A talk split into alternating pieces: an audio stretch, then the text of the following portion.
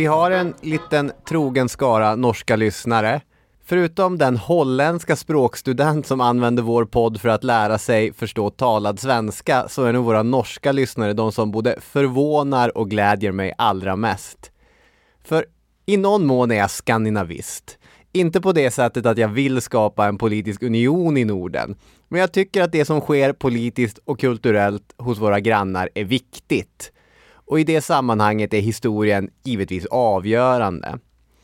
När svenska historielärare undervisar om eh, den era av svensk historia då Sverige blir modernt, då börjar man med 1809 och med enväldets fall, förlusten av Finland och ny författning. Sen tar man sig till 1918 och beslutet om allmän och lika rösträtt. I det spannet finns ståndsriksdagens avskaffande, folkrörelserna och revolutionsstämningen på gatorna. Någonting som man förvisso lägger till lite pliktskyldigt på sin tidslinje men aldrig gör till en bärande del av berättelsen. Det är 1814 och 1905, åren som markerar samma era i den norska historieskrivningen. Den 17 maj 1814 antogs den norska grundlagen och 1905 avslutades den svensk-norska unionen. Inom det spannet ryms mycket av det som gjorde Norge till Norge, ett eget land, varken danskt eller svenskt. Men om det talar vi rätt sällan, vi svenska historielärare.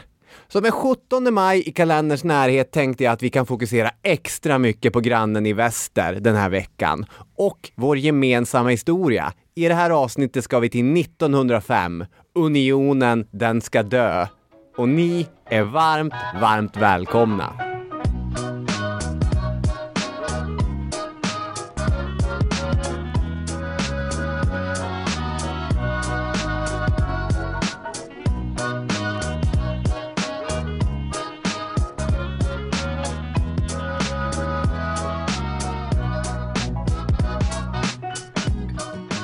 Ja, varmt välkomna till denna likvaka, eller vad då?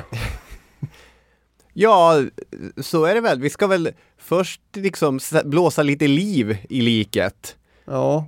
Och så sen så ska, ska vi låta det dö och sörja det. Ja, absolut. Hela, hela vägen. Fast det är väl ändå fokus på de senare åren och själva upplösningen. Även om vi naturligtvis kommer att prata om eh, ja, en massa annat med, men inte, det är inte ett, ett avsnitt om unionen va, utan om upplösningen mest. Om det här vore romanen Frankenstein ska vi inte fokusera på när varelsen kommer till liv, utan vi ska fokusera på när varelsen hoppar ner i vattnet och följer efter sin skapare ner i djupet. Är det så den slutar? Jag tror det. Mm. Det är jobbigt det där när man håller på att sätta igång en metafor som man inte riktigt kan eh, ro i hamn. Men eh, ja, jag tyckte först att det var väldigt eh, spänstig jämförelse och sen blev det lite svajigt. Men jag fattar vad du menar. Och det var ju jag som ja. tog upp ämnet också här, att det är slutet på unionen det handlar om. Och det här är alltså våran Norgevecka. Ja! Eller vad man ska kalla det. Och det kommer innebära att vi släpper två arkivavsnitt i, i veckan som följer om Norge. Förutom att just det här avsnittet också har rätt mycket med Norge att göra. Vilken vecka!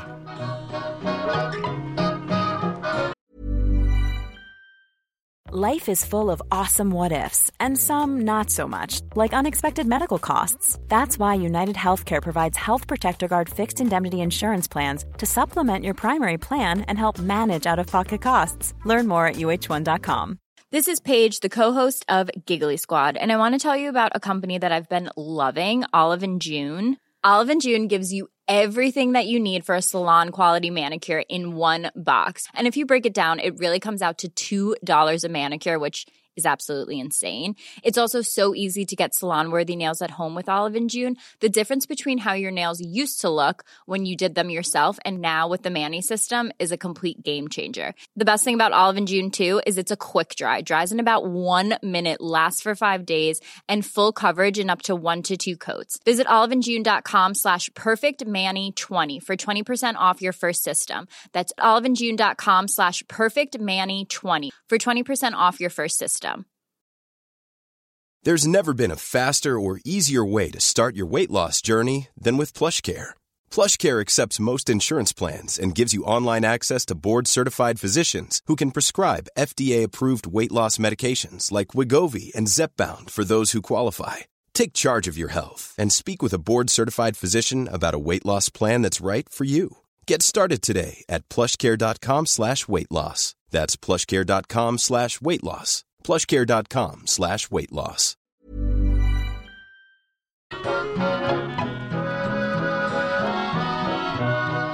Det är ingen ny spaning, men det är ibland kul att tänka på effekterna, aktiva och passiva av att Napoleon Bonaparte föddes, levde och gjorde sin grej. Sverige skulle tvingas in i kontinentalsystemet, Ryssland uppmanades att trycka på vips så var Finland för tid och evighet inte längre del av riket. Statskupp blev det också.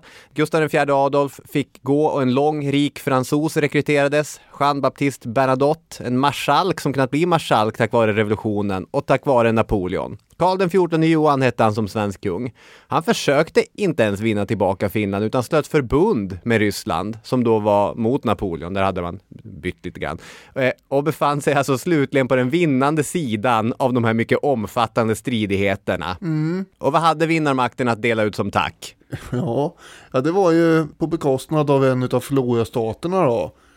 Det var ju Danmark. Danmark hade ju inte eh, hunnit göra som Bayern gjorde, det vill säga först var allierad med Napoleon och sådär när det gynnar dem och sen hoppa över till andra sidan. Här gällde det att ha så här fingerspetsgefühl Ja. när man ska stanna och sticka. Det hade inte danskarna.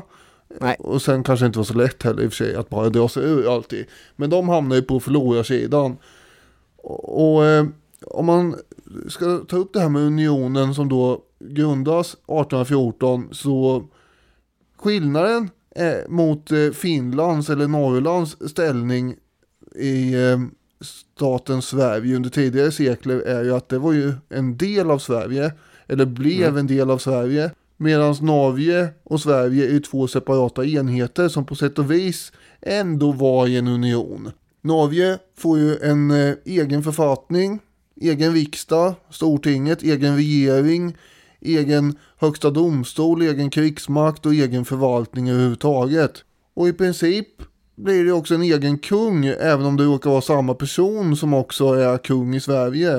Eh, det man hade gemensamt var ju då alltså utrikesförvaltningen och de här konsulaten som fanns ute i världen. Att Alla utrikesfrågor togs i hand om utrikesdepartementet i Stockholm då under unionstiden egentligen. Norge hade ju förvisso tvingats in i den här unionen efter krigshandlingar från Sveriges sida 1814. Det var efter det här debaclet med att eh, Napoleon hade förlorat och Danmark hade förlorat och allt sånt där. Då rycktes ju norrmännen med. Här bara oj nu händer det grejer och så påtar man ihop en, eh, en egen konstitution som utropades i Eidsvoll i allmän optimistisk glädjeyra eh, den 17 maj 1814. Man hade ju häftig vittring på självständighet här. Och så bestämde man också att den tidigare danske ståthållaren Christian Fredrik skulle bli ny kung och allting. Men svenskarna då, som eh, är under ledning av eh, fransmannen Jean Baptiste Bernadotte som du pratar om här, påpekar att eh, nu är det faktiskt så att han har vunnit kriget mot Frankrike och att Norge, eller snarare Danmark, hade förlorat Napoleonkrigen som eh, de tvingas in i då på grund av Danmark. Ja, jag har ett papper här Ja, direkt från freden i Kiel där det står att eh, Norge ska in. Ja, nu ska de in med kristallklar logik så ska de ha en svensk eller snarare fransk kung snart. Han hade hunnit ändra e-postsignatur och allting. Det är, det är för sent att backa nu. Ja. ja, men det är ju eh, det är märkligt det här alltså. Norge som sitter ihop med Danmark har hamnat i krig med resten av eh, Europa kan man väl säga på grund av att Danmark är allierad med Frankrike. Men nu har man förlorat kriget och därför ska man ha en fransk kung. Det, det är en soppa allt det här förstås.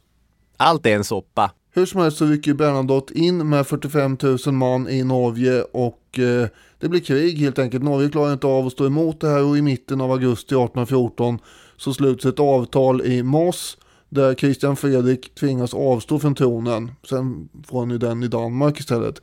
Så han får sitta och bli kung där. Och istället så blir då Sveriges kung också Norges kung. Och först är det då Mm. Karl XIII och sen är det Bernadotte. Eh, Och då är det så att man antar också den här Eidsvoll-författningen ändå med vissa justeringar. Och därför så blir ju 17 maj ett viktigt datum minst sagt i sammanhanget i alla fall. På, Ja. på det stora hela så ac- accepterar ju Bernadotte, lite oväntat får man väl säga, Norges fria ställning. Och här kan man ju spekulera kring varför. Hade han ögonen på den franska tronen? Ja, det är väl högst troligt att han hade. Sverige-Norge, det var bara någon slags eh, trampolin mot den franska tronen. En brygga till det man egentligen vill ha. Ja, Det här unionsavtalet mellan eh, Sverige och Norge, det undertecknas ju då den 4 november och de svenska regenterna tyckte alltid att det borde ju vara den norska nationaldagen. Det är då ni borde ut på gatorna och fira. Ja. Men det var aldrig riktigt lika populärt som 17 maj. Det här med 4 november när vi kompromissade fram ett unionsavtal med svenskarna. Det skapade inte samma så här bubblande känsla i den gryende norska nationalismen. nej, Den- men, den men hur mycket kan det ha att göra med vädret då?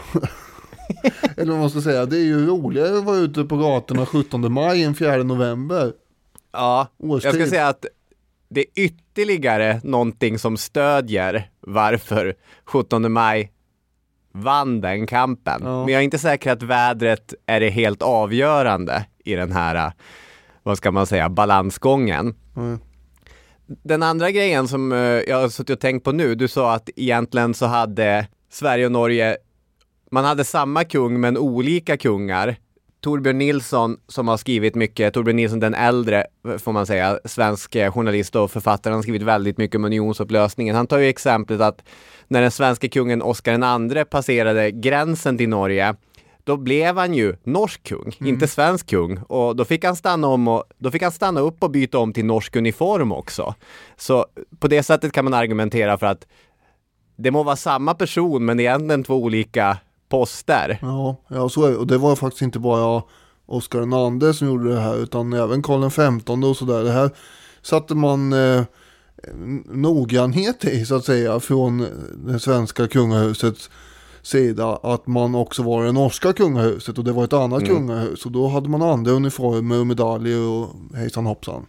Just det. Och det här gällde även eh, tjänstemän tror jag, som följde med fram och tillbaka. Mm. Man kan ju dela in eh, unionstiden i, eh, ja egentligen är det väl fyra, men framförallt tre perioder. Den första fram till 1830 är lite stökig då. Men sen kommer perioden 1830 till 1870 som eh, kan beskrivas som blomstringsperiod eller blomstringen.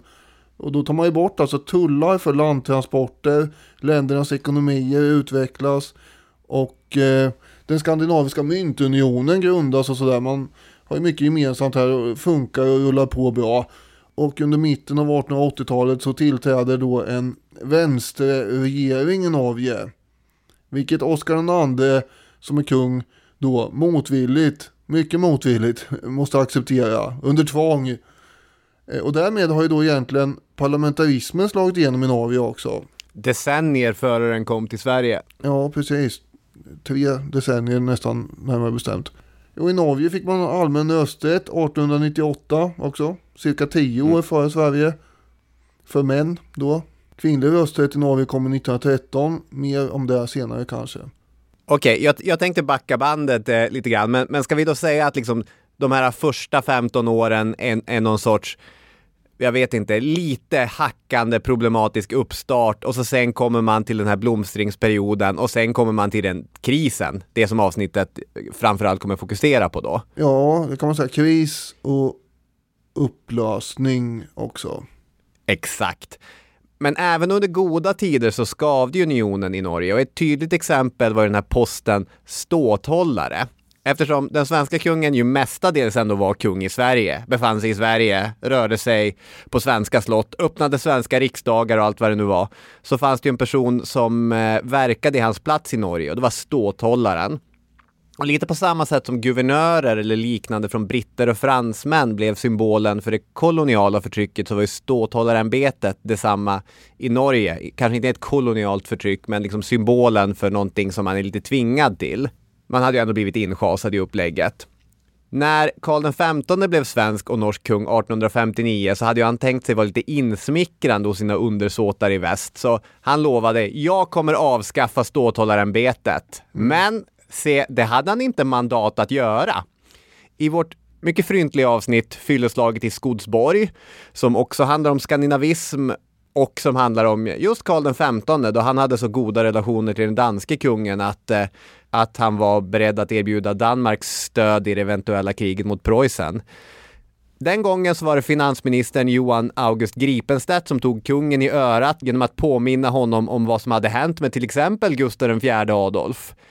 Det är kungar kan vi göra oss av med, vilket var väldigt uppstudsigt gjort. Och Gripenstedt, han är ju egentligen en central figur i liberaliseringen av Sverige, men de få gånger som han kommer in i vår podcast, när man så här öppnar dörren och tar in Gripenstedt, då spelar han bara rollen som minister som skäller på kungen. För gällande Karl XVs löfte om att eh, gå norrmännen till mötes så morrade Gripenstedt Norskarna får ej krusas utan bör styras med starka tyglar och piska Ger man dem ett finger tar de hela handen, verkar Gripenstedt säga. Ett handfast nej, det är vad norrmännen behöver. Tycks Gripenstedt vill jag ha sagt. Får jag fråga, sa han eh, alltså norskarna? Ja, det gjorde han. Ja, då är det alltså inte bara jag som har sagt fel i ett gammalt eh, avsnitt om Norge och Sverige. Sen är ju Gripenstedt här ute efter att vara nedsättande mot norrmännen. Är det nedsättande verkligen? Och det fattar jag inte. Det kan det väl inte vara. Och säga norskarna. Alltså det är inte helt korrekt men det är tydligen ett ord som ändå har funnits i, vad blir det nu då, 170 år. Vi går vidare. Nu kan man, som Torbjörn Nilsson också gör, påminna om att Gripenstedts övergripande mål är att eh, minska kungens inflytande över utrikespolitiken till regeringens eh, förmån. Så positionen i Norge är egentligen mest en bricka i ett spel, eller vad nu rätt jämförelse blir. Hade kungen sagt att han vill införa fler svenska ståthållare i Norge så hade Gripenstedt kunnat sagt att det är norrmännen förstår du. De ska vi klappa fint och stryka medhårs och, eh, och truga och sådär. Det är alltså egentligen en, eh, en liten maktkamp här med, med kungen egentligen då. Jag läser det så. En annan sak som man ska komma ihåg i den här berättelsen och, och den poängen gör den norska historikern Björn Arne Steine i en artikel i Populär historia är att den här gryende norska nationalismen som finns i unionens ungdom, den är i första hand inte riktad mot Sverige utan mot Danmark. Och man ska komma ihåg det att Norge har varit politiskt och administrativt dominerat av danskarna under århundraden. Mm. Så i både språk och samhällsorganisation fanns mycket stark dansk påverkan. Så när den här norska självbilden formeras utifrån norsk bondekultur, då är det ju lika mycket riktat mot Danmark som det är mot Sverige. Så eh, det är ju egentligen först mot slutet av 1800-talet som den här äh, politiska unionen med Sverige verkligen blir det dominerande fokuset för den norska eh, politiken och, och, och nationella frihetskampen.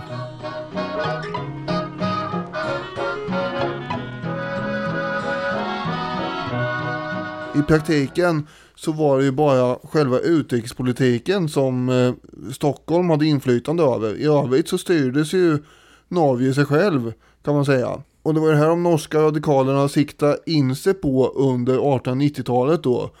Eh, mm. Den här norska nationalismen gifte sig kan man säga med kamp för självständighet och demokrati. Precis som i Sverige så formeras ju de här politiska rörelserna i partier under 1800-talets sista decennium. Du nämnde ju Vänstre tidigare. De, det var ju de liberala och, och delar av bonderörelsen som bildade Vänstre. Ja. Då Norges vänsterlag. Norges första parti, socialliberalt är kanske glosan man kan använda. Och Höjre uppstår som ett eh, svar på det här. Starkt ibland ämbetsmän och akademiker mot radikala demokratiseringsidéer och mer positivt inställd till unionen med svenskarna än vad vänster var också. Just vänster då vill ju ha ett eget konsulatväsende. Det är ju det man slåss för här då. Det går ut på att konsulaten ute i världen ska vara frikopplade från UD i Stockholm. Norge mm. har ju blivit lite av en sjöfartsnation här och man har många fartyg ute i världen som far runt så att säga. Och då vill man ju ha man vill ha stöd så att säga av konsulat ute i världen också som kan ta upp just deras frågor och det har man upplevt då att man inte riktigt har fått det stöd man vill ha från Nej. det svenska konsulatväsendet. Svenskarna är ju väldigt eh, riktade mot eh, Tyskland och så medan eh, norrmännen har ju mer blicken västerut mot Storbritannien och kanske USA eh, och mm. så. Jag vet inte hur mycket det där egentligen påverkade konsulatväsendet, utrikespolitiken och så, men, men det fanns ju olika intressen, olika riktningar som de olika länderna tittade åt. Det, så var det ju. Men det är ju också en symbol eftersom eh, lite grann slår med, som med T-skatten. Eh, ja. när det gäller Amerika och eh, den engelska monarkin. Det enda man till slut hade kvar egentligen var en skatt på te på slutet av 1700-talet och det blev amerikanerna skitförbannade på och så gjorde man det till en stridsfråga. Och på samma sätt här egentligen är väl, det är bara konsulatväsendet som eh, finns någon anledning att bråka om eh, egentligen eftersom eh, allt annat eh, styr man ju själv ändå för Norge.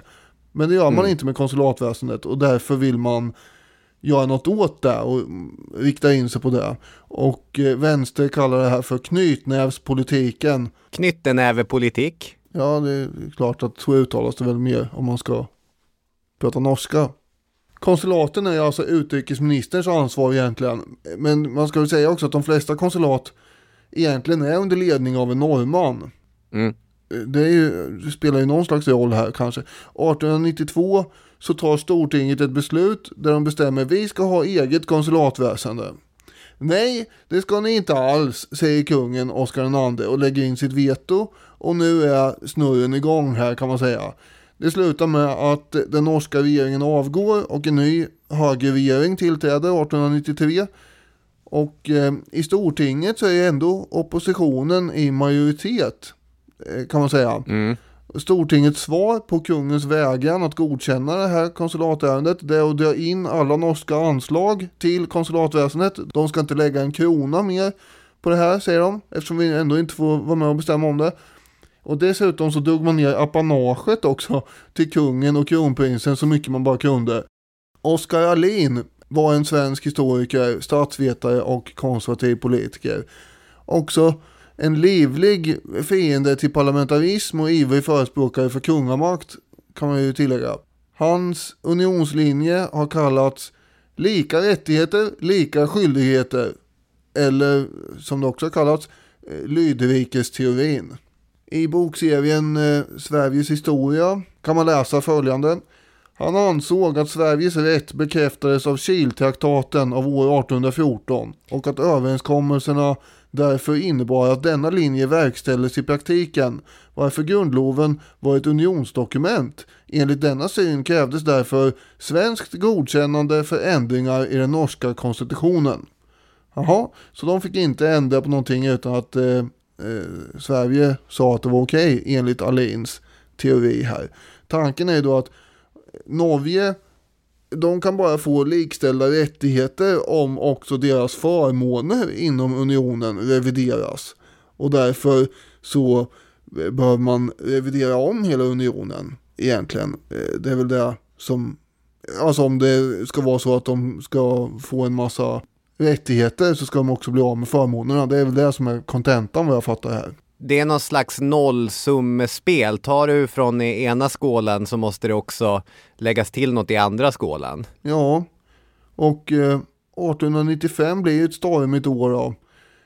I den svenska riksdagens två kammare så lyckas protektionisterna få igenom att den så kallade mellanrikslagen avskaffas. Och det var en lag som hade funnits sedan 1825 som gav tullfri handel till havs och väldigt låga tullar på land. Och den mm. hade ju gynnat Norge väldigt mycket och den norska sjöfarten. Och tanken var ju då att man skulle förhandla fram en ny mellanrikslag. Men det blev det inget av med under den här ganska hetska debatten. Och från 1897 så fanns det inga lättnader i de här tullarna längre. Och det här var ju till stor nackdel för Norge då förstås. Att man mm. plötsligt skulle ha högre tullar. Dessutom under 1895 så hade de konservativa som stod bakom Oskar Alins linje i första kammaren också lyckats propagera för den här saken ute i landet, i Sverige alltså. Så under sommaren 1895 så rullade det kampanjer ute i svenska städer och i samhällen och sådär för en tvångsrevision av unionsfördraget. Så att Norges fördelar med unionen skulle skalas bort helt och hållet. Och det här slutar ju med att norrmännen backar och så går de med på förhandlingar om det här konsulatväsendet. Men att man blir av med den här mellanrikslagen det skaver ju något oerhört och egentligen har det här beskrivits som en, en betydelsefull spik i den här unionskistan. Att man tog bort de här fördelarna som Norge hade. Höjere, som då leds av Francis Hagerup, det är en norsk högerpolitiker som också blev norsk statsminister 1895 och sen igen 1903. Han ville då ha en resonlig norsk unionspolitik för att mm. undvika krig helt enkelt. Man hade ju ursprungligen ställt sig som motståndare till idén om ett eget konsulärväsen eftersom man, vilket ju också var det som vänster ville, såg det som ett led i att montera ned unionen med Sverige. Men 1901 hade det börjat bli annat ljud i skällan eftersom en norsk utredning slog fast att man kunde ha samma utrikespolitik, men separata konsulärväsen.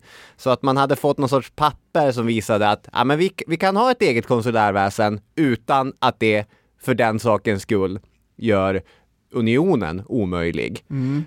Och, och, det var ju med den lilla förskjutningen i politiken som man gick till val 1903. Eh, vi löser saken i lugna förhandlingar med svenskarna.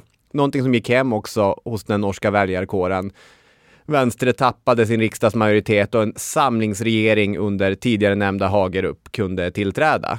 För svenskt vidkommande skulle man kanske kunna tänka sig då så här att, att pust skönt ändå. Nu har vi inte en riksdagsmajoritet som är aktivt mot unionen, utan vi har en, en samarbetsvillig norsk regering och riksdag som kanske vill ta udden av den här frågan, som har hotat att helt kortsluta relationerna till unionspartnern. Nu var det ju inte så det upplevdes i Sverige. På plats i Christiania, alltså Oslo, rapporterar ehm, eh, kronprins Gustav. Det är ett förfärligt tillstånd. Ty det finns knappast en enda person som numera vill hålla på den nuvarande unionen. Ja, de flesta skriker öppet på upplösning av unionen. Jag är lugn, men gör mig förberedd på allt. Förresten mår vi bra, både Wilhelm och jag. Så bra som på en vulkan som hotar med utbrott. Så att, eh, ja. Mm. Lite lugnet före stormen, ja. eh, känslan där. Erik Gustaf Boström hette den svenska statsministern, något av en doldis idag trots att han var enorm på sin tid. Han satt nio år mellan 1891 och 1900 och sen en andra vända 1902 till 1905. Man känner framförallt igen namnet från tullstriden och införandet av värnplikten. Han ansåg ju att Sverige och Norge behövde komma överens om en gemensam linje för hur de här konsulära frågorna skulle hanteras i utlandet. Man var ju ändå i en union liksom. Men, men Boströms förslag var ju att man skulle inrätta gemensam konsulär representation i länder där varken Sverige eller Norge hade tillräckligt med resurser för att ha egna konsulat. Och han argumenterade också för att Sverige och Norge skulle ha gemensamma förhandlingar med utlandet för att uppnå bättre villkor för båda länderna istället för att de två länderna skulle tävla om vilka som fick bättre avtal och så. Eh, liksom det här presenterades som att det skulle leda till en mer effektiv hantering av konsulära frågor och skulle ge unionen större inflytande i utrikespolitiken och massa saker. Men så eh, upplevdes det inte i Norge. Boströms punkter kallades lydrikespolitik. Mm.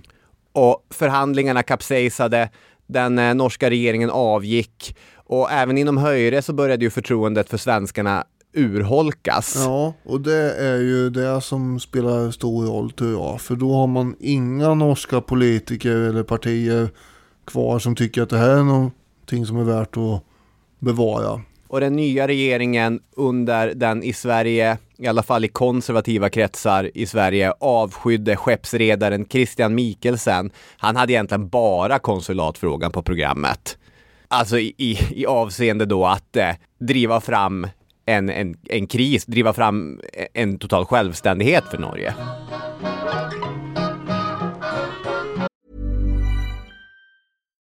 Life is full of what ifs. Some awesome, like what if AI could fold your laundry? And some, well, less awesome, like what if you have unexpected medical costs? United Healthcare can help get you covered with Health Protector Guard fixed indemnity insurance plans. They supplement your primary plan to help you manage out of pocket costs. No deductibles, no enrollment periods, and especially no more what ifs. Visit uh1.com to find the Health Protector Guard plan for you. There's never been a faster or easier way to start your weight loss journey than with PlushCare. PlushCare accepts most insurance plans and gives you online access to board-certified physicians who can prescribe FDA-approved weight loss medications like Wigovi and Zepbound for those who qualify. Take charge of your health and speak with a board-certified physician about a weight loss plan that's right for you. Get started today at plushcare.com slash weight loss. That's plushcare.com slash weight loss. plushcare.com slash weight loss. Millions of people have lost weight with personalized plans from Noom, like Evan, who can't stand salads and still lost 50 pounds. Salads, generally, for most people, are the easy button, right? For me, that wasn't an option. I never really was a salad guy. That's just not who I am. But Noom worked for me. Get your personalized plan today at Noom.com. Real Noom user compensated to provide their story. In four weeks, the typical Noom user can expect to lose one to two pounds per week. Individual results may vary.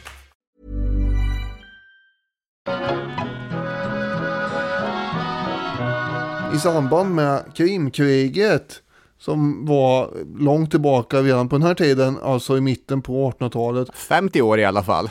Ja, det är långt tillbaka.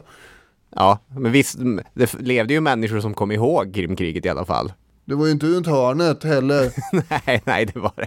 Jag ska inte tjafsa om det här. Nej, jag helst inte det. Då tillkom i alla fall de här novembertraktaten 1855. Och det var ju då säkerhetsgarantier från Frankrike och England till Sverige-Norge riktade mot Ryssland egentligen. Det vill säga mm. att eh, om ni hamnar i trubbel med, ja, säg Ryssland, då kommer vi att hjälpa er. Engelsmännen var ju oroliga för att ryssarna och senare var de också oroliga för att tyskarna skulle skaffa sig baser vid norska kusten eftersom de ligger ja. så behändigt eh, riktade mot England. Och det här för säkerhets skull var exakt det som, som hände då under andra världskriget. Frankrikes roll som garant upphörde väl egentligen i samband med förlusten i fransk-tyska kriget 1870. Då var, hade inte de så mycket mer att garantera egentligen. Nej, det finns brev från eh, den svenska kungen Oscar II där han erkänner att ja, de här garantierna, de är väl, det är noll. det är inte värt någonting längre. Det är noll. Det, det, är, det är noll i det avseendet. Ja, nej, de är inte så intressanta egentligen. Särskilt som eh, att ingen från 1870-talet och framåt verkar tycka att de var aktuella, som du säger. Nej. För Ryssland så framstod de som eh, rena rama förolämpningen. Varför skulle, var, var, vad är det här? liksom. ja. eh, och Ryssland ville ju slå sig in på den norska spannmålsmarknaden också. Men det var ju helt ogörligt så länge svenska protektionister höll i spakarna i, i svenska riksdagen då. Eh, så att de var ju eventuellt inte ändå anhängare av unionen. Ryssland såg ju helst att den här unionen kanske inte fanns. Gunnar Oselius skriver i boken 1905, unionsupplösningens år.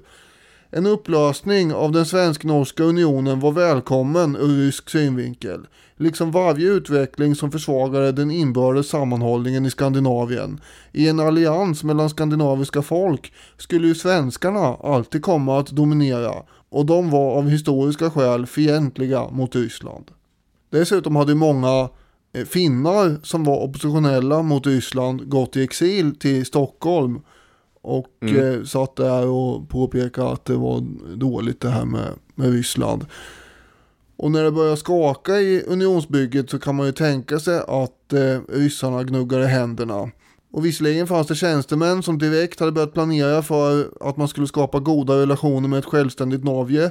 Men som Oselius också skriver Även om tsaren kunde se fördelar med tjänstemännens idéer hade den ryska utrikesledningen i den övergripande konstitutionella konflikten mellan Stortinget och kungamakten svårt att inte sluta upp bakom monarkin. Detta var särskilt viktigt år 1905 när Ryssland i kölvattnet av nederlaget mot Japan skakades av strejker och revolutionära oroligheter. ja det är väl det att eh, som eh, monark så vill man gärna inte att andra monarker ska ha kanske problem eh, som man själv också skulle kunna ha. Då kan man hellre gemensamt bekämpa sådana problem. Och det här är ju en period när det är mycket det är arbetare som håller på och vill ha mer inflytande och det är revolter av olika slag. Så det är ja. nästan som att kungarna i Europa får gemensamma fiender i sina egna folk på något sätt. Oh ja. Ibland så tänker jag att eh, sultanen då i det Osmanska riket och den ryska tsaren och den habsburgske kejsaren kanske hade gynnats av gruppterapi. Ja. Där de alla fick sitta och prata om hur jobbigt det är med de här nationalistiska spänningarna och, och hotande revolutioner och, och det, det, är, det, är, klasser som menar att eh, vi har saker gemensamt. Och på det sättet så de har ju väldigt mycket gemensamt trots att de är varandras fiender också. Ja, det är, det är lite komplicerat kan man säga att vara monark på den här tiden. Det var lättare förr ja. när man bara hade varann och kivas med. Ja. Men nu hade det blivit som det hade blivit. Om ni inte har uppfattat det så har vi då gått in i ett segment där vi pratar om eh, den internationella synen på den här konflikten och stormakternas roll. Och nu mm. har vi precis avhandlat Ryssland och lite grann nämnt Frankrike och England. Men vi har ju också Tyskland numera. Och där sitter då hetsparen Wilhelm II som kejsare. Och han uppskattar ju förvisso att semestra i de norska fjordarna och sådär. Men han propagerar ju också gärna för en brysk och hårdhänt hållning här mot norrmännen under 1890-talet. Och till Oscar II så påpekar kejsaren att ett självständigt Norge säkert skulle bli uppslukat av Ryssland och sådär. Och det vore ju inte bra för någon. Du nämnde ju tidigare att Oscar II gick med på parlamentarismens spelregler i, i Norge, att han eh, kände sig tvingad att eh, släppa fram den här vänsterregeringen. I Tyskland, när Wilhelm fick eh, ett PM som sammanfattade den politiska utvecklingen så skrev han i marginalen Schlappier, ynkrygg. Han ja. tyckte inte att eh, den svenska kungen höll emot nog där. Nej, han var besviken över detta. Och eh, kommer ju att tappa geisten lite grann i den här frågan sen kan man säga. Mm. När, eh, när inte Oscar II och svenskarna står upp lika väl som han tycker att man borde göra. Samtidigt så är ju Wilhelm kusin med Nikolaj. Wilhelm den andre tysk kejsare, Nikolaj den andre rysk tsar. De är kusiner. Och börjar då koka ihop diverse planer riktade mot vem då? Jo, mot Storbritannien förstås. Och i Wilhelms feberheta hjärna så bygger han upp grandiosa planer på hur en tysk-rysk allians skulle eh, tvinga med sig de skandinaviska länderna här. Och då skulle Storbritannien stoppas från tillträde till Östersjön och det var i allas intresse förstås. Och därefter så skulle man säkert också få med sig Frankrike i någon slags kontinentalallians här. Och i slutändan skulle allihop då tillsammans utmana Storbritanniens världsherravälde. Mm. Alltihop det här baseras på att Nikolaj II skulle bli då rädd för en eventuell norsk-brittisk allians. Eh, vilket var på gång egentligen kanske då om den engelska kungens svärson, det vill säga dansken Karl, hamnade på den norska tronen, vilket man höll på att förbereda för. Och då sprang Wilhelm iväg till sin kusin Nikolaj II och sa, titta nu håller norrmännen på att eh, bli eh, ihop eh, puttade med England här och bli en satellitstat till England, det vill du väl inte? Och då skulle de då kunna skapa den här andra enorma alliansen mot Storbritannien, tänkte sig Wilhelm. Ja, det hade blivit ett annat första världskrig om eh, den svensk-norska unionens sammanbrott hade lett till eh, de här komplikationerna. Ja, verkligen det, jag kan ju knappt föreställa mig hur det hade blivit. det hade blivit alla mot England om han hade lyckats med detta. Mm. Men se, det var på Trisso, det lyckades han inte med.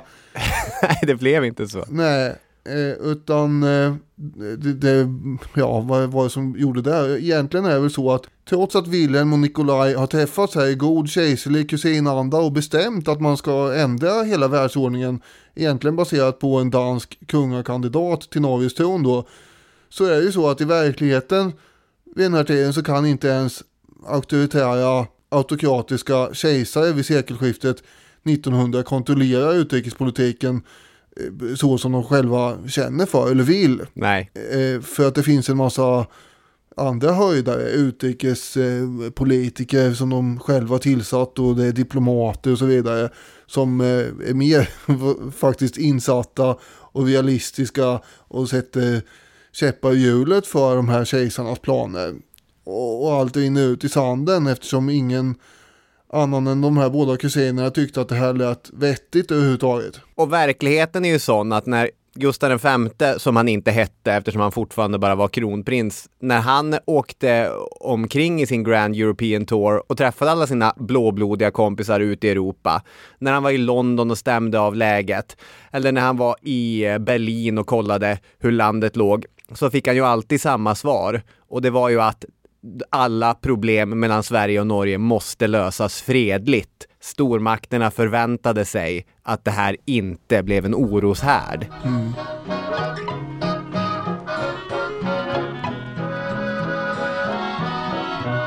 Om året 1895 var stökigt så är det riktigt turbulent 1905. När de där förhandlingarna hade eh, brakat ihop som vi beskrev tidigare. Mm. Då hade stämningarna piskats upp ganska rejält, inte bara på politisk nivå. Anne Eriksen skriver i den här boken 1905, unionsupplösningens år, om ett eh, handgemäng som uppstod. Hon skriver under lång tid hade svenska fiskare sökt sig till Eggersund på norska sydvästlandskusten, där deras fångst av makrill såldes. Under 1905 var förhållandena spända och en kväll kom en av fiskarna i slagsmål med en ung man från Egersund. Svensken fick hjälp av sina landsmän, norrmannen av de sina och plötsligt kokade hela byn. Citat i citatet. Svenskarna var flera hundra man. Ett ljushuvud kom på idén att mobilisera det frivilliga brandvärnet. Därför måste min far rycka ut. Han basade för brandsprutan nummer två. Det måste ha varit imponerande syn med den ögonblickliga verkan vattenstrålarna hade när de riktades mot svenskarna. Det kalla vattnet hade sin verkan. Vattenkaskaden jagade ombord fiskarna och staden kom åter till ro. Så det var, det var flera hundra norrmän och svenskar som höll på att puckla på varandra här tydligen. Vi- Ja, det är ett riktigt eh, upprört tillstånd här. Svenskarna har sämre rykte än vad partysvenskarna på Karl Johan har idag. Ja, ja, det vet du. Det, det kom ju nämligen här sen då från den här personen i citatet med brandsprutan att, att förutom det här slagsmålet så brukar det vara ganska god stämning och förståelse mellan svenskar och norrmän i Egersund. Så, Ja. så det kanske är värre på Karl Johan ändå. Jag har inte varit där och sett hur svenskarna beter sig. men eh, den här brandsprutan som löser upp saker och ting, får det dig att tänka på något eller? Nej, jag, vet, jag kan ju sitta och gissa eller så kan du bara berätta vad du fiskar efter. Bulten i Bo, Nej, jag har inte sett Bulten i Bo. när eh, han slåss med Alfred eh, på auktionen i Backhorva. Och så kommer Emil där med sin brandspruta som han har ropat in och eh, sprutar vatten på slagskämparna. Och, Ja. och så eh, slutar de slåss. Det, ju, det sitter ju i ryggmärgen att man tänker på det när man hör om att en brandspruta löser upp eh, ett eh, rallarslagsmål. Det beror på om man har eh, upplevt eh, Astrid Lindgren som barn och så. Man har ju sett dem där, men jag vet inte, det har inte lämnat så starka intryck eh, på mig. Nej, Tar du på uppstuds referensen Emil och sockerdricka? Ja, det är ju samma sekvens. Det är också i auktionen. Nej, för det här pratar de om i Svenska Dagbladets politikpodd. Där Torbjörn Nilsson, den yngre då, inte Torbjörn Nilsson som har skrivit allt om unionsupplösningen, hade det som symbol för att svenskarna aldrig får strejka. Man får inte strejka när det är goda tider, men nu när det är dåliga tider får man heller inte strejka, för det är oansvarigt. Ja. Och När hunden ska strejka, sa han där. När i hundan ska de strejka? Jag tycker det är en utmärkt eh, referens som alla eh, någorlunda borde kunna eh, fånga. ingen i studion, förutom Torbjörn Nilsson, den yngre, förstod den. Alltså det är, det är kulturskymning. Jag, jag blir mörkrädd. Vad är det frågan om? För det kan ju vara roligt att se på kommersen, även om man inte ska köpa något. Ska inte du det också Alfred? Jo, jag... Nej du, jag ska gå till konditoriet och dricka kaffe. Jag har glatt små Vi har ju fler vittnesmål från eh, stämningen i Norge. Ja, tidigare nämnda kronprins. Vår korrespondent, Gustav. Ja, han var ju där. Inte som korrespondent dock, utan mer som eh, någon slags eh, ståthållare eller representant för kungahuset. Och redan 1899 hade kronprinsen i ett brev till pappa kungen Oscar II skrivit om ett besök i Christiania. Han skrev Jag blev mottagen av ett par hundra personer som skrek, pep, vad det nu betyder, och väsnades. Det var mest studenter och annan ungdom. En del hade tagit sig för mycket till bästa och vore halvfulla. Sedan demonstrationen fortsatt en stund ryckte vakten ut och arresterade ett par varefter de andra skingrades. Sånt där var han ju inte van vid. Nej, det här är ju rakt av otrevligt. Ja, och apropå otrevligt så det var väl ännu värre när 70 stycken vänsterpolitiker i Stortinget skickade tillbaka hans inbjudningskort till en supé. I en hopvivad klump så här bara, "Det- det- vi kommer inte. Det tyckte han var riktigt eh, obehagligt eller otrevligt. Men han tröstar sig med att han har hört att alla partier eh, i Sverige var rasande över det här beteendet. Ja, man- det var de ju också. De tyckte att det var uppstudsigt. Ja, men frågan är, det finns ju inte direkt några moderna partier på den här tiden, så jag vet inte, alltså, ja det ska vara ja, Allmänna valmansförbundet och kanske något lantmannaparti och lite sånt där, ja. Socialdemokraterna är vilket år var det? 1800? Ja, d- 18- 1899 är vi i och för sig ja. Ja.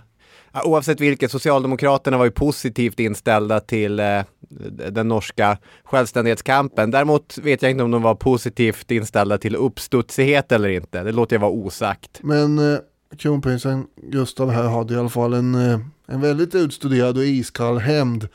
Och det gick ut på att under supén så skulle han absolut inte skåla för Stortinget utan bara för kungen. Där fick han! Min själ! Ja, han är lite nöjd i breven också när han säger Han det. väldigt För det nöjd. trugades ju lite grann också. Ska du inte, kommer inga fler skålar? Ja, det var ju någon eh, politiker där som föreslog att de skulle skåla för honom. Men då hade ju någon form av anständig artighetsetikett krävt att han hade skålat för Stortinget och det ville han ju inte. Så därför höll de sig till kungen då istället, hans pappa.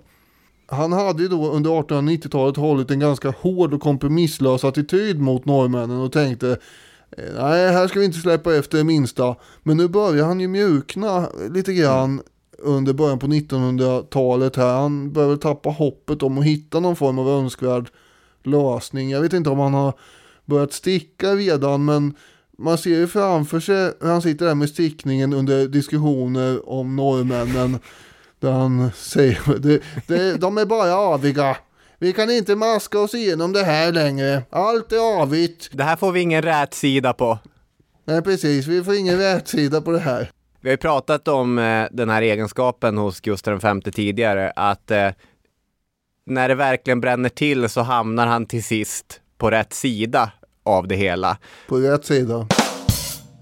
Ja, nej, men det, han, det blev ju inget totalt trassel utan han... Ja, nu, nu släpper vi det där. Den 29 april 1905 så är han ju också i Oslo då och han känner ju hur marken lite grann skakar. Är det månne historien som närmar sig? Frågar han sig. Situationen här är alldeles hopplös, skriver han. Och det är omöjligt att tala ett förnuftigt ord med en enda människa. De äro alla som bitna av en galen hund och vilja icke höra eller taga något skäl. Och han skriver också, stämningen är hövlig men iskall och det ligger mycket hat och ovilja i luften. Det hela är mycket pinsamt. Och i maj 1905 så har då Stortinget till slut fattat en lag där den konsulära gemenskapen med Sverige ska ta slut den 1 april 1906. Mm. Och nu behöver då bara kungen sanktionera, alltså godkänna lagen och sen är det klart. Men när nu jäklar i min lilla låda tänkte Oscar den andre för sig själv. Och så drog han i med ett ordentligt nej. Ni får inte. Nej. Var på den norska regeringen då sa upp sig allesammans. Ja, och eh, Stortinget planerar att ta till en riktigt listig manöver för att ta sig ur unionen i samma veva. Ja. När de då sa upp sig, regeringen, så tänkte Oscar den andra, när nu jäklar i min lilla låda för sig själv. Och så sa han nej, nej, nej. Statsråden fick inte säga upp sig. eftersom han då inte kunde bilda någon ny regering. Vid det här laget, den 6 juni, så befann sig kronprins Gustav i Tyskland för att delta på den tyske kronprinsens bröllop. Och vid det här laget så var den tyske kejsaren Wilhelm II helt ointresserad av vad som pågick uppe i Sverige och Norge. Han hade slutat engagera sig i frågan. Mm. Det här får de lösa fredligt, eh, tänkte han. Men det här bröllopet den 6 juni då är ju orsaken till att Stortinget i Norge inte går ut med sitt omskakande beslut den här dagen. Utan det gäller att få med sig Europas kungahus på det man tänker göra så gott det nu går på den norska saken. Och det skulle inte börja så bra om man förstörde deras festande där nere på det här bröllopet. Det är riktigt smart politiskt manövrerande här. Ja, så vi väntar en dag med att gå ut med den här informationen om att eh, den nordiska unionen har spruckit. Men på morgonen den 7 juni, då kommer två norska representanter för Norge på audiens hos Oscar II. Och kungen, han har ju vägrat acceptera den norska regeringens avgång som du sa. Mm. Eftersom han citat nu inte kunde bilda en ny regering. Norrmännen hade ju tagit bort det lilla ordet nu i den här frasen då. Och istället så gick man ut med ett formellt uttalande och till kungen under den här audiensen som förklarade att man eftersom kungen inte kunde skapa en regering hade den norska kungamakten upphört att fungera. Man kan ju föreställa sig på olika sätt hur Oscar II såg ut vid det här tillfället. Mm. Med simmig blick och öppen mun kanske. Helt chockad. vilket är troligt. Eller med högröd ilska i ansiktet och ånga som väser ut ur öronen så här. Alltså vi har ju eh, tillfrågat en eh, specialist på, på ämnet. Vi, du frågade ju Herman Linkvist hur arg Oscar II blev när han fick det här beskedet. Ja, och gjorde det, Herman ja. Linkvist sa ju att eh, han blev inte arg, han blev bara ledsen. Just det, så det var inte så högt utslag på aviometern då ändå. Nej, precis, utan det var, det var jag tror den där första gapande och, eh, m- och, och den eh, lite så här ofokuserade blicken ligger närmre Det, verkligheten. det tror jag, men sen ska sägas att Herman var ju inte där.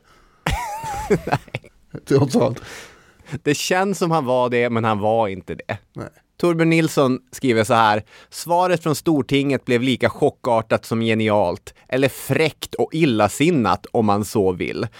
Och han eh, lägger också till att det här utspelet, eh, att eh, unionen hade upphört på grund av att kungen inte kunde bilda norsk regering, gav en viss legal grund för den proklamerade norska självständigheten. Men att den egentligen både i Norge och i omvärlden betraktades som en kupp. Ja, och det vill man ju helst inte i Norge att det skulle se ut som då. Man vill ju framstå som att man är pålitlig förstås i omvärldens ögon. Och Mm. det här eh, sättet man nu hade dragit sig ur unionen på liknar ju lite grann eh, en kupp, nästan eh, osar någon form av revolution på något sätt. Och det här gör ju att man måste släta över det- hela på något sätt och då meddelar man ju att beslutet ska genomföras först efter en folkomröstning. Och man försöker då också att eh, planerna inte var att skapa något sådär läskigt som en, eh, som en republik eller något sånt där utan eh, här ska vi i all god ordning ha monarki alltjämt. Och därför erbjuder man också tronen till någon av Oscar IIs söner kanske. Nu blev han högröd. Det här kallas ju då Bernadotte-anbudet och nu blir han kanske avgörare. Jag måste säga att jag fattar inte riktigt varför. Om, om de nu ändå ska eh, gå ur, varför skulle det vara så hemskt att låta en av sönerna bli kung? Det är väl det man har försökt eh, få till i alla tider, och placera ut sina söner på olika troner. Men är det någonting i fräckheten i det? Ja, kanske. Man kör över den gamle mannen och så sen ska man klappa lite fint och säga Men du, vi, vi tar någon av, av dina ändå. Ja. Uh, Oskar II ryter till. Förr skola de bära mig till Riddarholmskyrkan än att jag ger mitt samtycke till att en av min familj går till Norge. Ja. ja, det var han inte så himla pigg på. Han var väl inte pigg överhuvudtaget i och för sig, men särskilt inte på det här. Kejsaren eh, där nere i Tyskland då, han noterar ju angående Oscar II. Vi har medlidande med den gamle mannen, men hjälpa honom kommer vi inte att göra. Nej, precis. Och, och eh, Schlappen Svense skriver han också i, i marginalen på, på sin senaste nyhetsuppdatering. Så han tycker att eh, han tycker att den svenska monarken är väldigt lös i tyglarna. Jag har, eh, eh, vad ska man säga, googlat, translatat det här. Eh, ynkrig eller tönt. Töntar är väl slappsvense. Ja. Ja, det var ju hårda ord. Men han har ju ändå så mycket sympati med Oscar II och eh, ja, Sverige, eller man ska säga i det här fallet då, så att man eh, ställer in, eller han ställer in sina sedvanliga semesterkryssningar i de norska fjordarna just sommaren 1905. S- Ja. Som någon form av markering. Den officiella svenska uppfattningen är ju att Stortinget har agerat på ett förödmjukande och lite fult sätt. Och att Norge egentligen inte har rätt att säga upp unionen så här ensidigt som de håller på att göra. Exakt. Och den svenska allmänheten, de känner ju precis som den tyske kejsaren egentligen mest sympati för Oscar II. Det var ju den allmänna, det, liksom, det är den förhärskande känslan att det är synd om gubben här va? Ja. Det är inte så att man, många missunnar inte Norge att eh, riva upp det här eh, kontraktet som eh, ah, den här unionen byggde på. Men man tyckte väldigt synd om Oscar den andre. Och det här gäller även liberaler som då har sympatiserat med norsk självständighet. De tycker att det här är kuppartat och sådär. Redan på kvällen den 7 juni så hade ju stora skaror stockholmare tagit sig till Rosendals slott på Djurgården där eh, kungen befann sig för tillfället med familjen. För att visa stöd för kungen då. Och nästa kväll den 8 juni så var det mer än 10 000 människor där som samlades utanför slottet och man sjöng kungsången och andra patriotiska eh, dängor så att säga. Torbjörn Nilsson skriver Leveropen för kung Oscar var otaliga. Kungen blev påtagligt rörd när han tillsammans med den övriga kungafamiljen mottog tåget. Spontana hyllningar utbröt också på stadens restauranger där hurraropen fick punschglasen att vibrera. Men det var ju inte en antinorsk stämning det handlade om här egentligen utan eh, man vill ju att saker och ting ska lösas fredligt. Och så lider man med kungen. Och den här personliga aspekten i det är ju spännande. Jag tänker på det här vittnesmålet som eh, prins Eugen till exempel har lämnat och han skriver att min gamle far kände slaget som en förolämpning som han hade svårt att smälta. Han hade alltid känt personlig sympati för norrmännen och ofta gjort sig till målsman för deras intressen. Och norrmännens politiska åtgärder, menar prins Eugen, kände kungen som ett bevis på otacksamhet. Och den känslan är ju hemsk. Att man säger, här har jag personligen gjort allt för er och så får jag det här tillbaka. Otacksamhet. Det är ju lite grann att ibland kan man ju personifiera historien lite väl mycket va. Ja, Det handlar ju inte om den enskilde monarken här.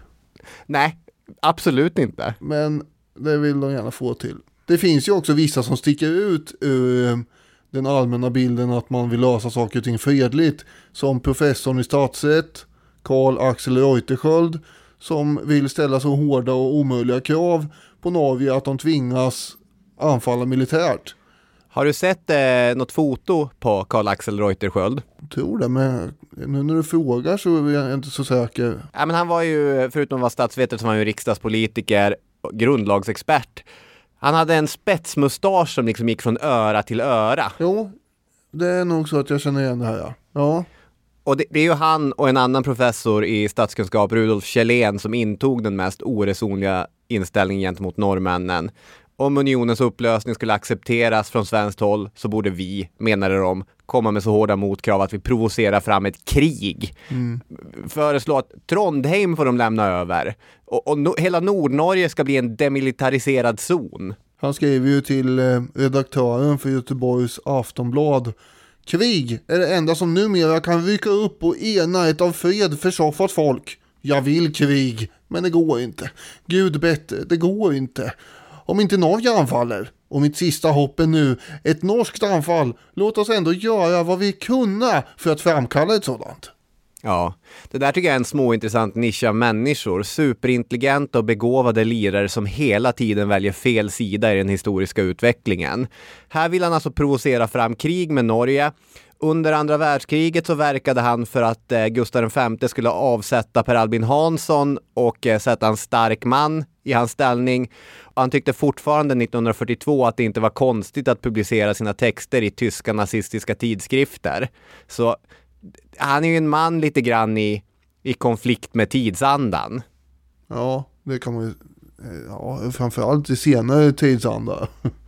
Turligt nog var ju det svenska kungahuset, både pappakungen och kronprinsen, förvisso sårade men väl medvetna om att det inte gick att laga det här med vapenmakt.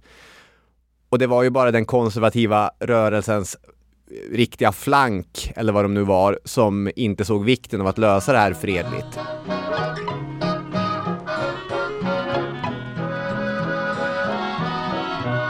För att bekräfta Stortingets beslut från den 7 juni så skulle man alltså hålla en folkomröstning. Och eh, frågan som ställdes till det norska folket var då, håller ni med Stortingets beslut eller inte?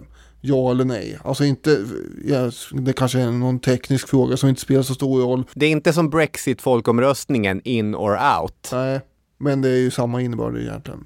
Man skulle kunna tro att ett sånt här val då skulle ske friktionsfritt ju. Eh, och debattens vågor om ja eller nej, de gick ju inte särskilt höga faktiskt. Vi kommer ju se på slutresultatet att det var ja. överväldigande seger för ja-sidan. Ja, nordkoreanska siffror. Ja, det är svårt att hitta mer konsensus i en demokratisk eh, stat än det här kanske. Det fanns dock en annan aspekt som eh, dök upp på ett lite obehagligt sätt och det är ju då hur gör vi egentligen med, med trasorna? Med tjejerna här, får de rösta? Mm. Den norska historikern Ida Blom har ett kapitel i den här boken Unionsupplösningens år om det här. Eh, med titeln 1905, ett glädjens eller Sovjens år. Och hon skriver Folkomröstningarna aktualiserade frågan om vilka som räknades till folket. Eftersom rösträtt uppfattades som ett viktigt kriterium för nationstillhörighet i en demokratisk nationalstat aktualiserade folkomröstningarna också frågan om politiska rättigheter i nationalstaten och därmed frågan om kvinnors rösträtt. De som skulle få rösta i den här folkomröstningen är ju då de som har rösträtt till Stortinget, det vill säga alla män, inga kvinnor. Mm. Och Fredrik Marie Kvam som var ledare för Landskvinnestämmeföreningen, LKSF, hon telegraferade direkt när hon fick höra talas om den här folkomröstningen till Stortinget och uppmanade dem att även låta kvinnor få rösta. Och då var det någon som tog emot det där telegrammet. Bara, Jaha, nu ska vi se här. Det är... Eh, jaha, jag står där och fingrar på lappen och letar efter monocken och trycker upp den där. Det här verkar inte vara så viktigt. Nej, var la jag nu den där stämpeln som, som man avslår idéer med? Ja, där är den ju. Pang! Avslås. Och motiveringen för det här var att det skulle försena och komplicera hela genomförandet. Dessutom var man kanske lite rädd för att kvinnorna skulle rösta fel och därmed göra utslaget mindre tydligt kan man säga. Mm. Det här utlöser ju då en våldsam frustration bland eh, rösträttskämpande kvinnor förstås. Och Fredrike Kvam, som jag nämnde innan, även om jag, jag för att jag sa Fredrike, jag kommer inte ihåg. Hon skriver i ett brev så här. Så känner jag mig också nödd att uttrycka hur djupt bedrövad jag är vid att se hur lite vi kvinnor ännu respekteras. När man inte ens i fråga om en sådan sak som gäller något så gemensamt som vårt fädernesland ens tänker på att låta oss vara med. Men nu går det kanske upp för oss själva att politisk rösträtt måste vi ha. Eh, men för att demonstrera sin åsikt i fråga om unionen på något sätt i alla fall så börjar ju kvinnor då organisera namninsamlingar över hela landet. Och för tydlighetens skull då så är det ju så att de här namninsamlingarna är ju eh, till för att eh, undersöka att man vill gå ur unionen. Så det är ju egentligen eh, en, eh, vad ska man säga, en kampanj för ja-sidan. Fast man inte officiellt får lägga en röst ja. Mm, Okej. Okay. Fattar. Men det var ingen lätt uppgift att försöka få till någon form av eh, namninsamlingsorganisation mitt under sommaren här. Det är skördetid och semester och grejer. Det hade ju varit ganska mycket kampanjande ändå eh, på ett generellt plan här. Eh, Bjarne Arne Steine skriver i Populär historia så här. Kyrkan, politiska partier och organisationer, tidningar och tidskrifter av alla färger deltog med stor energi. Få protesterade mot den omfattande propagandan och de som vågade sig på att anmäla avvikande åsikt fick det hett om öronen. En av dem, prästen Kristoffer Brun, fick sin kyrka stängd och var tvungen att söka sig till Danmark för att få trycka sin pamflett till det norske folk där han förfäktade tankegångar som var kritiska mot beslutet den 7 juni. Jag fick ju den där frågan i muren faktiskt eh, förra året hur många det var som röstade emot. Och eh, det var ju inte många, det visste jag ju. jag, jag, Vad sa du? Jag, jag vill minnas nu att det var förra året så det inte var i år. Men jag tror att det var förra året. Och eh, jag sa eh, 184 stycken, jag hade alternativ då. Ja. ja, det var ju helt riktigt, det var 184 vad ska man säga, riktigt kverulantiskt lagda norrmän som inte kände sig övertygade av den här massiva kampanjen. Nej. Och eh, de som då hade röstat ja var 368 208. Så det var ju fler kan man säga. Ja. Även om 368 000 människor hade legat hemma på sofflocket så hade ändå ja-sidan vunnit. Ja. Sen har vi då de här eh, kvinnliga underskrifterna också. Det var 279 878. Det är väldigt många namn där också med tanke på att man inte fick gå och faktiskt rösta. Verkligen otrolig mobilisering. Däremot så påverkar det ju den här eh, konflikten lite grann eh, relationerna mellan svenska och norska kvinnosaksföreningar. Det blev ganska kylig spänd stämning däremellan 1905. Och i tidningarna förekom det ju rena påhopp från båda sidor som var ganska sårande och sådär. Sen gick det ju i och för sig över efter eh, att unionen hade upplösts och så. Eh, man eh, återgick till att försöka samarbeta för att uppnå så att säga de mål som man egentligen hade gemensamt. Och kvinnor fick ju rösträtt i Norge, eh, inskränkt rösträtt kan man säga 1907 med motiveringen att eh, man hade skött alltihop rätt taktfullt under det här upplösningsåret 1905. Mm. Och sen 1913 så får eh, norska kvinnor fullständig rösträtt. Helt jämförbar då med männens.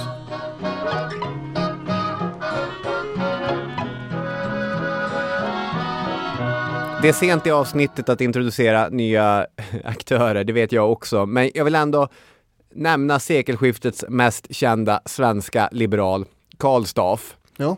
Eftersom Norgefrågan får rätt lite utrymme i berättelsen om hur Sverige blev modernt är det ju som nedrustningsman och som rösträttsförespråkare samt som Sveriges första liberala statsminister man främst tänker på Staff.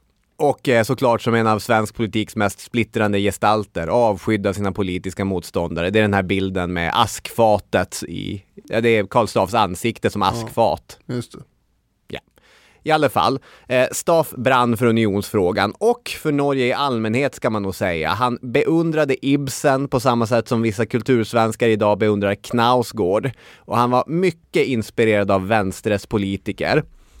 Att lösa den här frågan på fredlig väg, det var A och O, alfa och omega för Staff. Och för de norrmän som lite grann förvånades över hur kränkta svenskarna kände sig när man hade sagt upp unionen, så blev Staff någonting att hålla i. Det är faktiskt så att norska representanter träffar riksdagsmannen Karl Staff för att, eh, som det står i boken, Sveriges statsminister under hundra år sondera terrängen. Det står, med bara en liten vridning av perspektivet rörde det sig om en främmande makts underrättelseverksamhet på svenskt territorium. Karl Staff går också med på att hjälpa det norska stortinget att skriva en förklaring till svenskarna. Han skriver alltså eh, ner några rader, så kan ni säga och så kan ni säga som sen Stortinget, i och för sig så reviderar de Karl Staffs eh, manus, men Stortinget ska alltså läsa upp det här och sen ska Karl Staff i egenskap av svensk riksdagsman sitta och reagera på de rader han själv har skrivit. och sen, nej, vad säger de? Ja, men det var ju beskedligt och, och eh, de, de vill ju väl. Tycker ni inte det? Det här är ju viktigt eh, ränksmideri och eh, är inte det här väldigt falskt? Om högern hade vetat detta då, då hade inte Karl Staff blivit Sveriges första liberala statsminister. Nej, det tror jag väl ändå inte. Nej. Redan när man hade suttit och förhandlat eh, runt eh, konsulärstriden, då hade Sverige en statsminister, Johan Ramstedt hette han, som var för grön för uppdraget. Så det blev första kammarens högerledare, Christian Lundeberg, som ledde ett utskott där bland annat andra kammarens ledare, Karl Staff, ingått. Och när krisen blev akut Eh, 1905 så bytte man också ut den statsminister som man ändå inte litade på. Kungen lät högern bilda en samlingsregering där alla partier utom Socialdemokraterna skulle ingå. Och Liberalerna, under Karl Staff då, de går endast med på att sitta i den här regeringen mot att han personligen skulle få delta i förhandlingarna med norrmännen. För den här svenska regeringens enda fråga är unionsupplösningen och lösa den på ett bra sätt. Delegationen bestod dels av statsministern Lundeborg, Karl Staff, han var där som eh, minister utan portfölj, eller Norgeminister om man så vill. Utrikesminister Fredrik Wachtmeister var med och eh, Hjalmar Hammarskjöld, sedermera statsminister, men här med som folkrättsexpert. Och det är två frågor som dominerade förhandlingarna mellan länderna. Det ena handlade om renbetet. Mm. Eftersom länderna eh, längs den långa gränsen hade ett stort antal samer som med säsongerna flyttade över landsgränserna så behövde man ju komma överens om någonting där. Och det andra rörde de norska befästningarna som fanns utplacerade längs gränsen. Man ska väl säga att mötena sker alltså i Karlstad eftersom man tycker att det är lämpligt. Det ligger mitt emellan Stockholm och eh, Kristiania och därför lägger vi det där tänkte man. Annars, annars brukar ju då historiska konferenser mellan nordiska delegater oftast hamna i, eh, i Halmstad. Ja, Åtminstone, I alla fall på 1400-talet. Men, men här är vi i Karlstad. mm. Mm, vi har inga danska parter med här. Nej just det, det är väl det. Ja. Ja. ja, men kring den här frågan om befästningarna så blev det ju riktigt svettigt. Det handlar om hur många befästningar kunde svenskarna tvinga norrmännen att riva? Fyra insisterade svenskarna på. Tre var så långt norrmännen ville sträcka sig. Och, och där har vi ju skäl för krig. Eller? September 1905 måste man pausa förhandlingarna eftersom man inte tog sig någon vart på den punkten. Men till, men till slut når man en överenskommelse. Det är tre stycken eh, fästningar, Örje, Urskog och eh, de nya forten vid Fredriksten som skulle eh, raseras. Medan eh, den fjärde befästningen, Kongsvinger, skulle behållas, men man fick inte bygga ut den mer. Och så införde man lite så här neutrala zoner som inte fick användas för militära syften. Och enades om att eventuella tvister skulle man lösa i internationell skiljedomstol. Under den här eh, pausen i förhandlingarna i september så händer det ju lite grejer. Man har ju alltså kört fast helt i förhandlingarna eh, och eh, statsminister Mikkelsen från den norska sidan, han försöker då få bland annat den tyske kejsaren att engagera sig, vilket är svårt att vinna hans engagemang för det här just nu. Men han, man kontaktar också Frankrike och Storbritannien för att sätta tryck på svenskarna liksom. Och eh, det slutar i alla fall med att franska och ryska påstötningar mot Sverige går ut på att Europa skulle applådera svenskarna om man förde in en anda av försoning i frågan om de här fästningarna. Alltså att man, man behöver inte gå på så hårt, måste man verkligen kräva att alla fästningar ska eh, rivas och sådär. Och det var ju i den här luckan av förhandlingar som det blev som mest spänt egentligen. Den 7 september har ju alltså Norge mobiliserat sin armé för tusan. Och förhandlingarna återupptas i mitten av september. Och till slut så kommer man överens då i den här kompromissen som du eh, nämnde. Just det, den 23 september enas man. Det är Karlstadsöverenskommelsen. Man får också eh, lägga till då att svenskarna har ju också trupper i närheten av gränsen. Eh, Jag vet inte hur man tänkte sig att det skulle bättra på förhandlingssituationen eller stämningen, men så var vi ju. Det var alltså inblandat en massa eh, militär i saken. I alla populärhistoriska verk beskrivs det ju som att den här frågan om renbetet var den enklare frågan att lösa. Torbjörn Nilsson skriver till exempel att renbetesfrågan löstes med att samerna i både Sverige och Norge fick behålla sina gamla rättigheter i det andra riket. Därmed räddades de svenska samernas renbetesområden på den norska sidan. Men jag vill ändå kort här agera viktig Petter och poängtera att det här är en halvsanning. Efter 1905 var Norge på alla sätt ett eget land och det här är ju under en tid då nationalism och socialdarwinism båda två är starka krafter, ibland de intellektuella och politiska ledarna.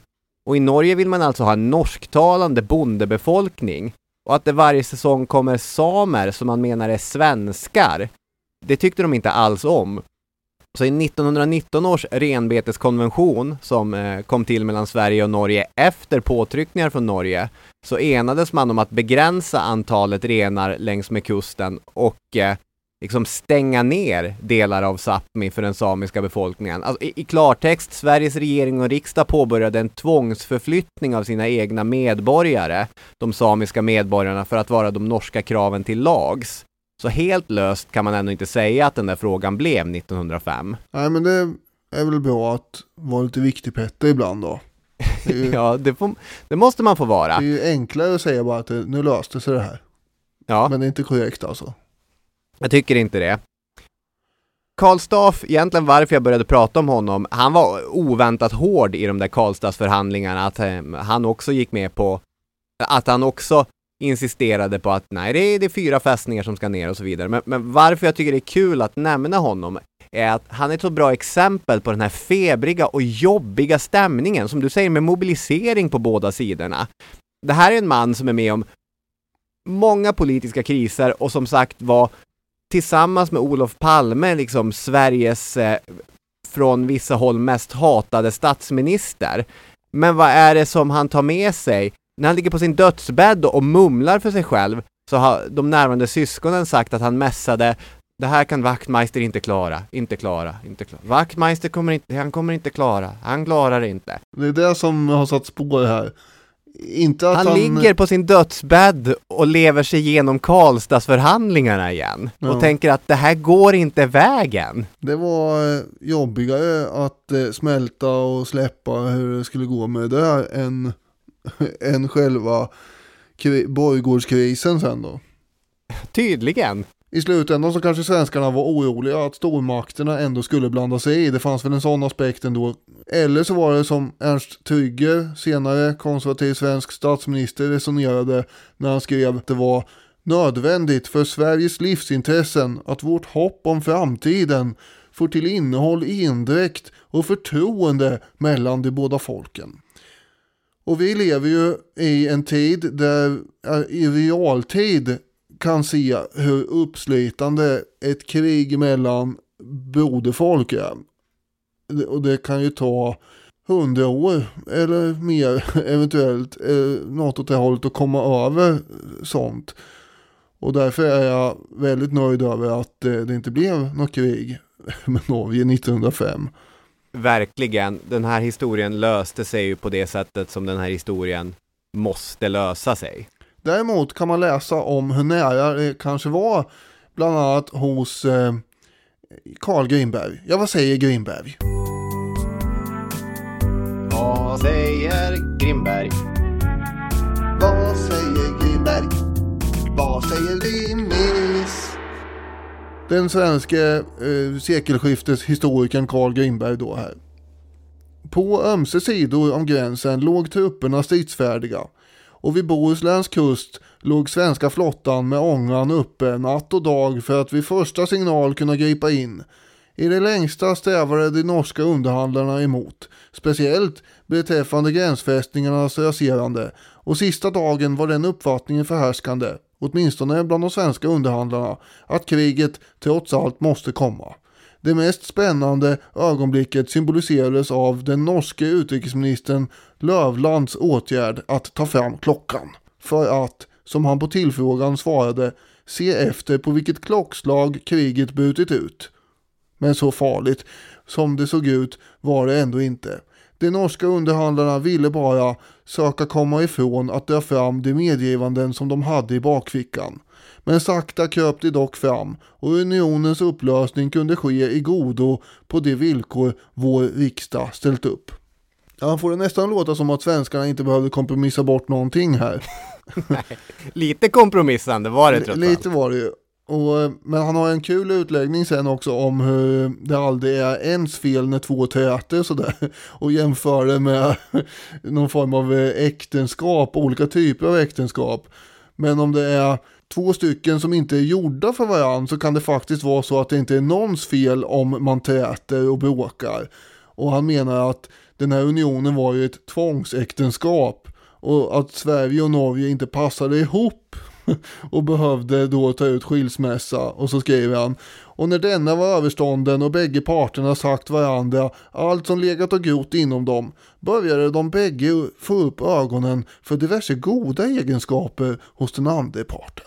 Är det det som är den symbolen som vi klockar ut på här? Att Sverige och Norge är som ett så här riktigt dåligt äktenskap som aldrig borde ha ingåtts från början. Att visst, det fanns några goda år där, lite tullfrihet och så. Men i själva verket, efter skilsmässan så tycker man om varandra mycket bättre än vad man gjorde när man levde tillsammans. Ja, kanske är det så. Ja. Det var inte... Vad fint! Vad fint, eller hur? Ja, och eh, med detta har vi väl eh, åtminstone avhandlat det här ämnet ganska grundligt. Det tycker jag. Jag är nöjd. Jag med. Och därmed så tackar vi för att ni har lyssnat både i Sverige och i Norge på båda sidor om eh, vår gemensamma bergskedja så att säga. Absolut. Ha det riktigt bra. Vi hörs igen nästa vecka. Det gör vi. Hej hej! Hej!